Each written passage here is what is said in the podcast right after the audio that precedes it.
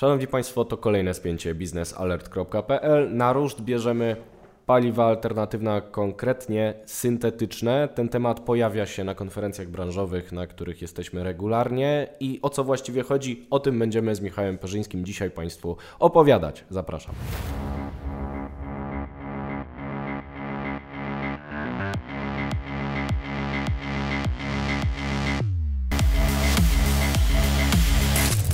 Spięcie to nasz program cotygodniowy, w którym bierzemy sobie na warsztat któryś z tematów ważnych w energetyce.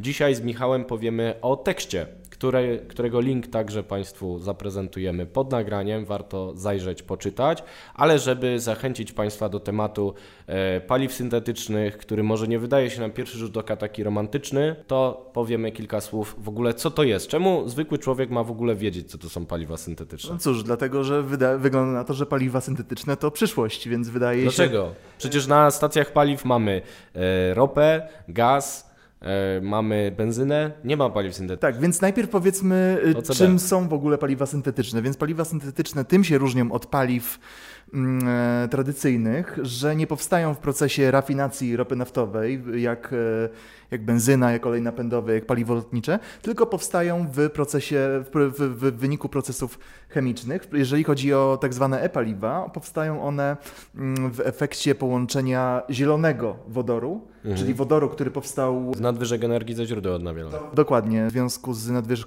z nadwyżką energii ze źródeł odnawialnych, w połączeniu z dwutlenkiem węgla, który y, został składowany w procesie zwanym jako CCS, czyli Carbon Capture Storage, czyli po polsku to jest składowanie i sekwestracja dwutlenku węgla. Dokładnie tak. To sprawia, CCS. że paliwa syntetyczne są tak naprawdę zeroemisyjne, ponieważ pomimo tego, że podczas spalania ich rzeczywiście uwalniamy CO2, to jednak przy ich produkcji e, wykorzystywany jest dwutlenek e, węgla, który został pochłonięty przy procesach przemysłowych, więc koniec końców wychodzi na zero i można powiedzieć, że Chronimy planetę. chronimy planetę. Więc to jest jakby odpowiedź na pytanie, czym są paliwa syntetyczne. No właśnie, czyli z punktu widzenia y, ochrony klimatu pożądane są paliwa y, syntetyczne, ponieważ wykreślamy z równania paliwa kopalne. Tak. Ale czy to jest dobry biznes i kiedy to będzie dobry biznes, jeśli nie teraz? To znaczy, y, to będzie dobry biznes, jeżeli chodzi o, o rozwój i dekarbonizację branż, z, którym, z których ciężko właściwie będzie wykluczyć, wdrożyć technologie takie jak silniki e, elektryczne czy wodorowe.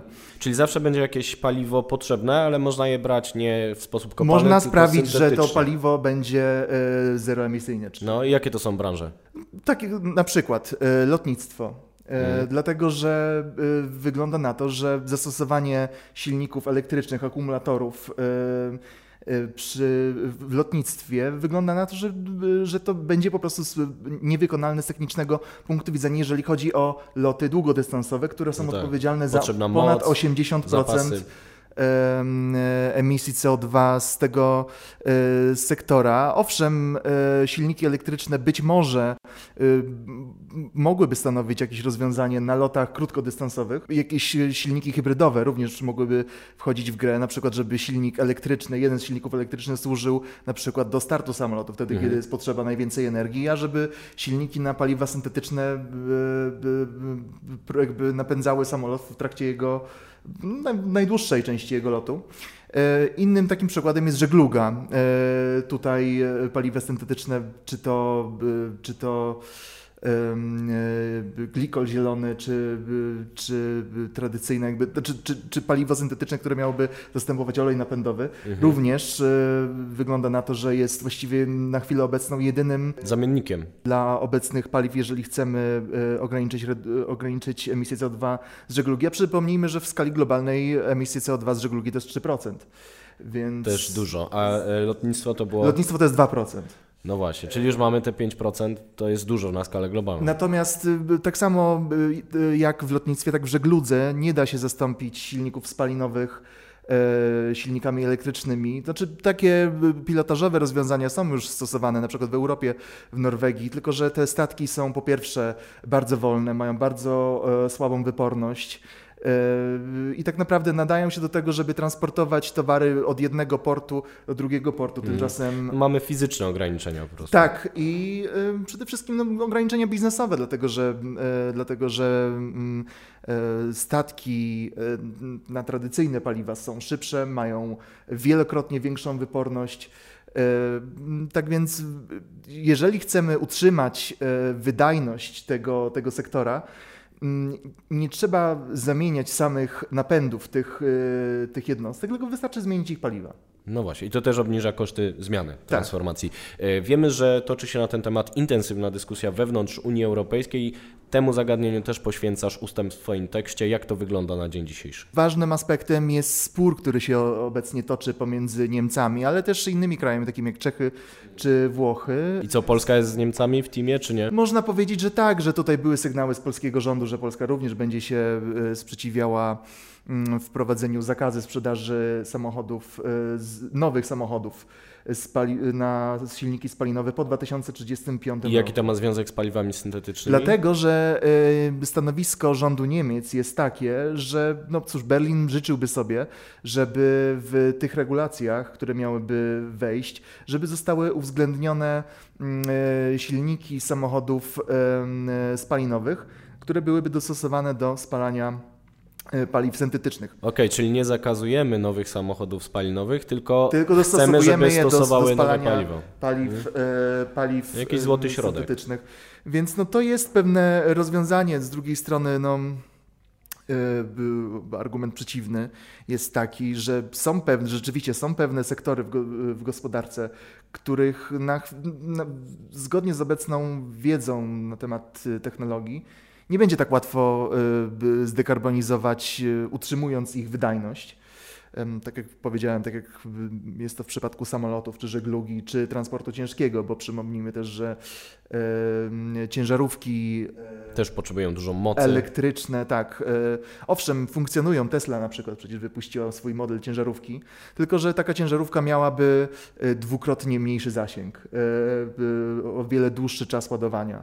Więc byłoby po prostu, owszem, miałaby napęd elektryczny, tylko nie byłaby taka, e, taka efektywna jak, jak ciężarówka na napęd I do ogniw elektrycznych też potrzeba różnych surowców, może nie kopalnych, nie, to znaczy nie energetycznych, ale też Ale kopalnych. również pozyskiwanych w dosyć kontrowersyjny sposób, czy Dosyć. importowanych z Chin, y, z Chin czy, czy y, z krajów afrykańskich, gdzie, y, no, które mają no, cóż, trudny stosunek z prawami człowieka. Dosyć. Z drugiej strony Niemcy i Czechy i kraje inne, na przykład Włochy, sprzeciwiają się wprowadzeniu zakazu sprzedaży y, nowych samochodów y, y, z silnikami spalinowymi, tradycyjnymi. Y, I cóż, no, y, y, tutaj y, y, ciężko postawić ocenę co do słuszności tych, y, tych y, protestów, dlatego że akurat segment samochodów y, osobowych y, jest akurat, jest akurat tak, tym sektorem, który będzie no, dosyć łatwy do y, zdekarbonizowania, dlatego że mm, cóż, przede wszystkim po 2035 roku będzie nadal można handlować samochodami używanymi. Mhm. E, Ale nowego już sobie nie Ale nowego już nie kupujemy. Natomiast w 2034 roku jeszcze możemy sobie kupić V8 e, o pojemności 4.0, o mocy 500 koni e, mechanicznych i można nim jeździć właściwie do, do kiedy on będzie mógł jeździć. Natomiast Unia Europejska oblicza, że taki statystyczny cykl życia samochodu spalinowego to jest około 15 e, lat. I jeżeli e, spojrzeć na to, że mm, Unia Europejska chce osiągnąć neutralność klimatyczną do 2050 roku, to właśnie ta, e, ta data 2035 roku będzie tym momentem, w którym zaczniemy po prostu już po- powoli mówić nie samochodom e, z Żeby w z 15 silnikami lat do, żeby do po prostu w- za- 2050 do zdążyć. 2050 roku, czyli cały czas w odległej przyszłości, żebyśmy już nie mieli w Europie samochodów z napędami, z napędem spalinowym. To ja powiem tak, jeśli będę miał samochód bezemisyjny w cenie, którą jestem w stanie zapłacić, który pozwoli mi nie tylko pojechać do sklepu, ale też na przykład odwiedzić krewnych w moim rodzinnym Krakowie, to nawet nie w 35, ale w 23 bym sobie z chęcią taki To samochód jest kupił. właściwie kwestia taka, też opublikowaliśmy na naszej stronie sondaż właściwie wśród, wśród ludzi z branży motoryzacyjnej. E, Co oni z kolei uważają na temat e, przyszłości rynku e, samochodów z napędami alternatywnymi. I jest to badanie, które przeprowadziło, przeprowadziła firma konsultingowa KPMG. Według nich w 2030 roku dopiero co czwarty samochód będzie miał e, napęd elektryczny, a nie tak jak jeszcze dwa lata temu by- były, były prognozy, że co drugi już będzie Tak, elektryczny. czyli teoretycznie transformacja przyspiesza, a my, proszę Państwa, zawieszamy tę dyskusję wcześniej niż w 2030 roku. Na pewno do niej wrócimy, a już teraz polecam tekst Michała, który jest dostępny w portalu biznesalert.pl. To było nasze spięcie. Dziękuję Ci bardzo, Dziękujemy Michał. bardzo. Dziękuję Państwu. Do zobaczenia za tydzień.